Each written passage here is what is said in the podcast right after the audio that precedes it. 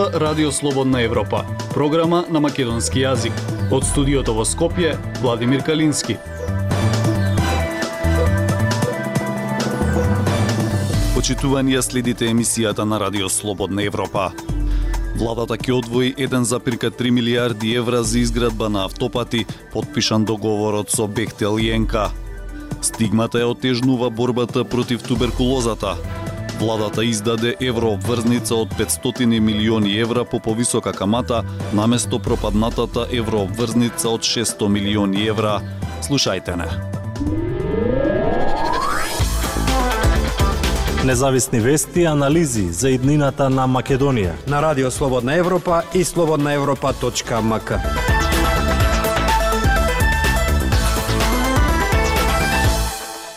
Автопатите што треба да ги гради Бехтел Јенка уште не почнати се соочуваат со скандали. Прво за таа цел се заобиколија закони и се донесе нов закон во четири очи. Имаше проблеми и со изборот на надзор, но и покрај сомнежите од медиумите и од опозицијата за компаниите избрани за надзор, владата и Бехтел Јенка го подпишаа договорот. Пелагија Стојанчова.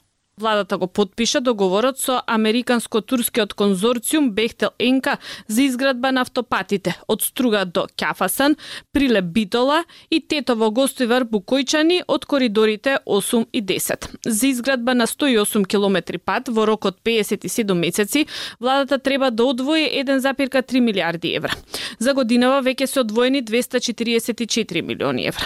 Сумата од над милиарда евра е само за изградба на патиштата. Во овие пари не е пресметана експроприацијата на имоти што ќе ги зафати трасата. За таа цел се предвидени уште 300 милиони евра. Одземањето на имот се уште не е почнато, ниту пак е почнато со проектирање. Тоа ќе се правело дел по дел, вели директорот на јавното предпријатие за државни патишта Ејуб Рустеми. Од денеска веќе имаме подпишен договор, одма ќе се ангажираат проектантски фирми и одма ќе се проектира дел по дел. Бидејќи до сега, каде што имавме проект по после реализација, ги имаме сите овие проблеми што ги имаме со и затоа еден градење на автопат од Кичева Орит ни трае 10 години. Вели Ростеми. Властите не се поколебаа по низата пишувања во медиумите и обвинувањата од опозицијата дека фирми, дел од конзорциумот избран да врши надзор на изградбата, бира вмешани во скандали и за еден човек има и отворена истрага во Ерменија. Кај нас главна тема е дали некој некаде во некоја друга држава имал кривична пријава. Па ако имал кривична пријава, одма нека му се поднесе и тука кривична пријава, нека го провери обвинителството. Рече премиерот Димитар Ковачевски по подпишувањето на договорот со Бехтел Инка. За изградба на автопатите беше заобиколен законот за јавни набавки беше донесен нов закон за договор во четири очи. На Уставен суд падна дел од законот поврзан со работнички права. Еден обид за избор на надзор на изградбата пропадна откако победи фирма на која и најдоа руска врска. На вториот тендер пак победи конзорциум што се доведува во врска со корупциско-дипломатски скандал. Порталот Призма поврза дел од фирмите од конзорциумот со корупциско-дипломатски скандал. Надзор ќе врши и Рада инженеринг, за што ќе добијат 22 милиони евра. Според Призма, дел од овој конзорциум е и фирма во која удел има македонскиот државјанин Бранислав Димитриевич. Тој пак е под истрага од терменското обвинителство поради вмешаност во корупцијски скандал поврзан со изградба на патишта. Тој од Ерменија побегнал со помош на македонски дипломати. Во Македонија пак фирмата на која Димитриевич е еден од собствениците е Евроконсалтинг. Таа фирма е дел од конзорциумот што треба да врши надзор. Представник на подружницата на Ирада инженеринг во Македонија, Дарко Спировски, вели дека кога тие го подпишале договорот со Евроконсалтинг, Бранисел Димитриевич не бил во собственичката структура. Наши економски проблеми. Ние разговараме за решенија на Радио Слободна Европа.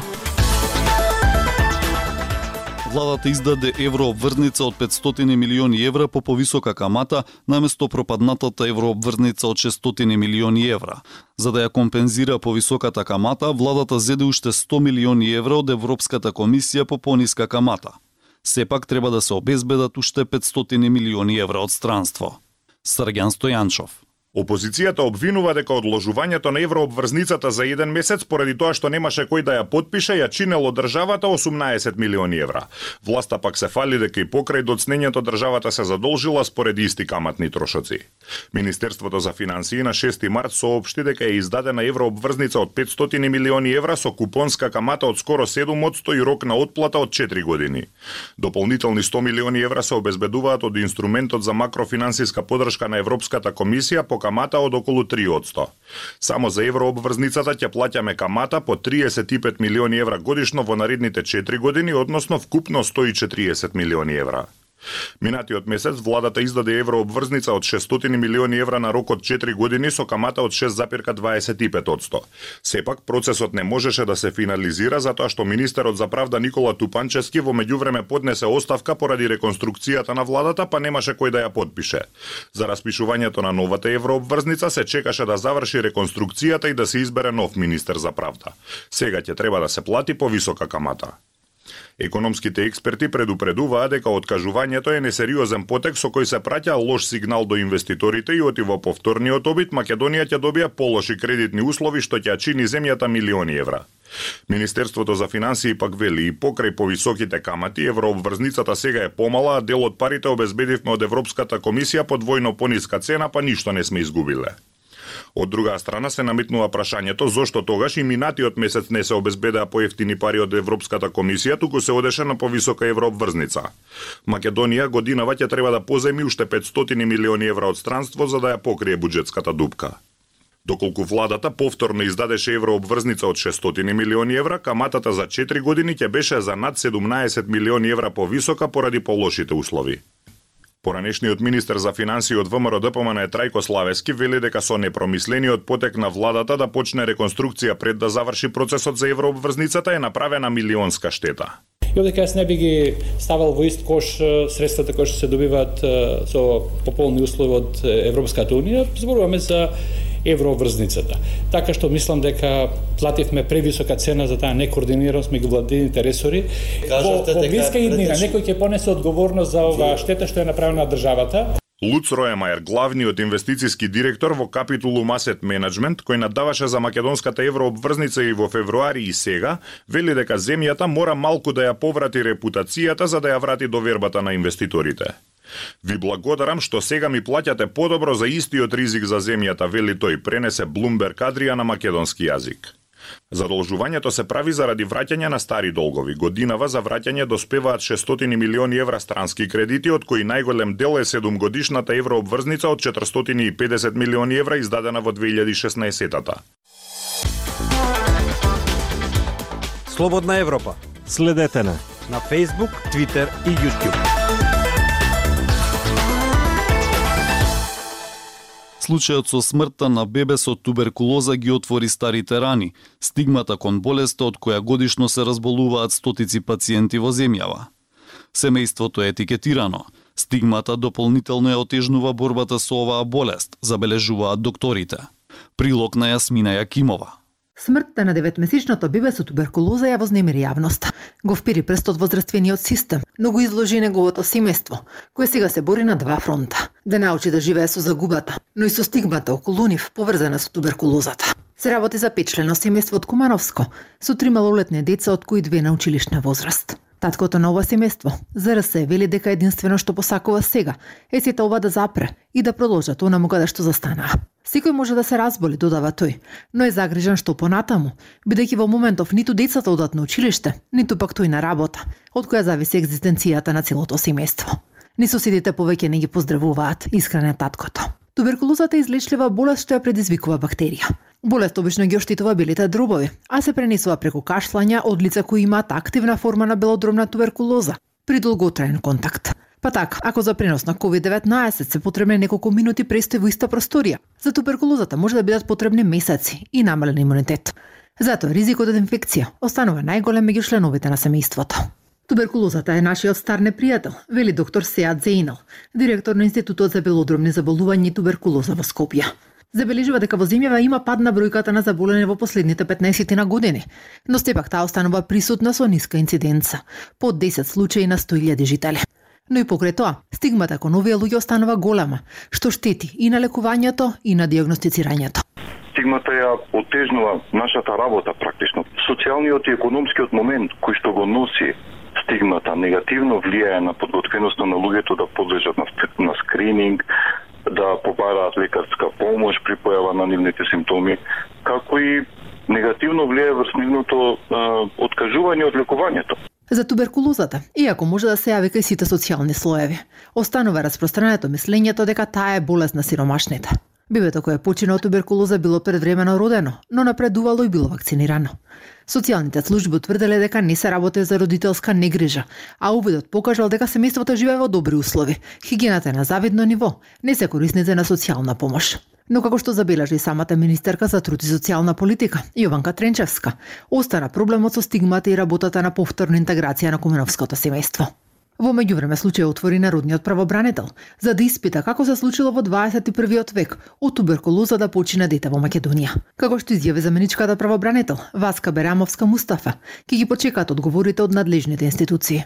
Жално е во 21 век кога има лек за таква вакцина може да се превенира за од таква болест да дозволиме да не почине дете. Според последните податоци на Светската здравствена организација, во 2021 година биле регистрирани над 10 милиони случаи на заболење од туберкулоза. Оваа болест останува една од водичките причини за смрт во светот меѓу заразните заболувања. Актуелности свет на Радио Слободна Европа забрана за работа на јавни места или работа надвор од нивниот дом. Жените во Афганистан се соочени со ограничување на нивните права откако талибанците се вратија на власт во 2021 година. На Меѓународниот ден на жената, Обединетите нации повторно повикаа правата на жените и девојките во земјата да бидат обновени. Талибанците го имплементираа најрепресивниот режим во светот за жените, се вели во соопштението на мисијата на Обединетите нации во земјата по повод одбележувањето на Меѓународниот ден на жената 8 март, повикувајќи ги афганистанските владетели да ги укинат острите ограничувања што ги воведоа врз женската популација откако се вратија на власт. Радикалната исламистичка група која се врати на власт во земјата зафатена од војна во август 2021 година, кога силите на САД и НАТО се повлекоа, првично вети дека ќе ги дозволи правата на жените и на малцинствата. Сепак талибанците зазедоа тврд став, дополнително рушејќи ги правата на жените и ограничувајќи ги слободите, вклучително и наметнувањето забрана за образование на девојчињата по шесто оделение. Жените беа принудени да се покриваат, им беше забрането да работат на јавни места и им беше забрането да работат за домашни и странски невладини организации, додека патувањето или работата надвор од нивниот дом е во голема мера ограничено. Меѓународната организација на трудот на 7 март соопшти дека вработеноста на афганистанските жени е намалена за 25% по враќањето на талибанците на власт. Афганистан под талебанците останува најрепресивната земја во светот во однос на правата на жените, рече Роза Утунбаева, специјален представник на генералниот секретар на Обединетите нации и шеф на мисијата на Обединетите нации во Афганистан. Таа додава дека талибанците користат методични, намерни и систематски методи за задушување на правата на жените. Во Афганистан живеат 38 милиони луѓе, а агенциите за помош и хуманитарните организации проценуваат дека повеќе од половина од жителите страдаат од глад. На Меѓународниот ден на жената, Обединетите нации во Афганистан го обновуваат својот повик до де факто властите во земјата да ги запрат и да ги поништат острите ограничувања на основните права на жените и девојките. Правата на жените и девојките мора веднаш да бидат обновени за да се изгради инклузивен, мирен и надежен Афганистан, се вели во сообштението. Во него се додава дека ефектот од суровиот третман на жените го чувствуваат сите афганистанци и дека тоа ќе се одрази на понатамошните генерации. Околу 20 жени одржаа протест во Кабул на 8 март, што е редок пример. Тие повикаа меѓународната заедница да се вклучи и да обезбеди заштита на афганистанците. Почитувани слушатели, тоа е се што ви подготвивме во оваа емисија. Од студиото во Скопје ве поздравуваат Владимир Калински и Дејан Балаловски.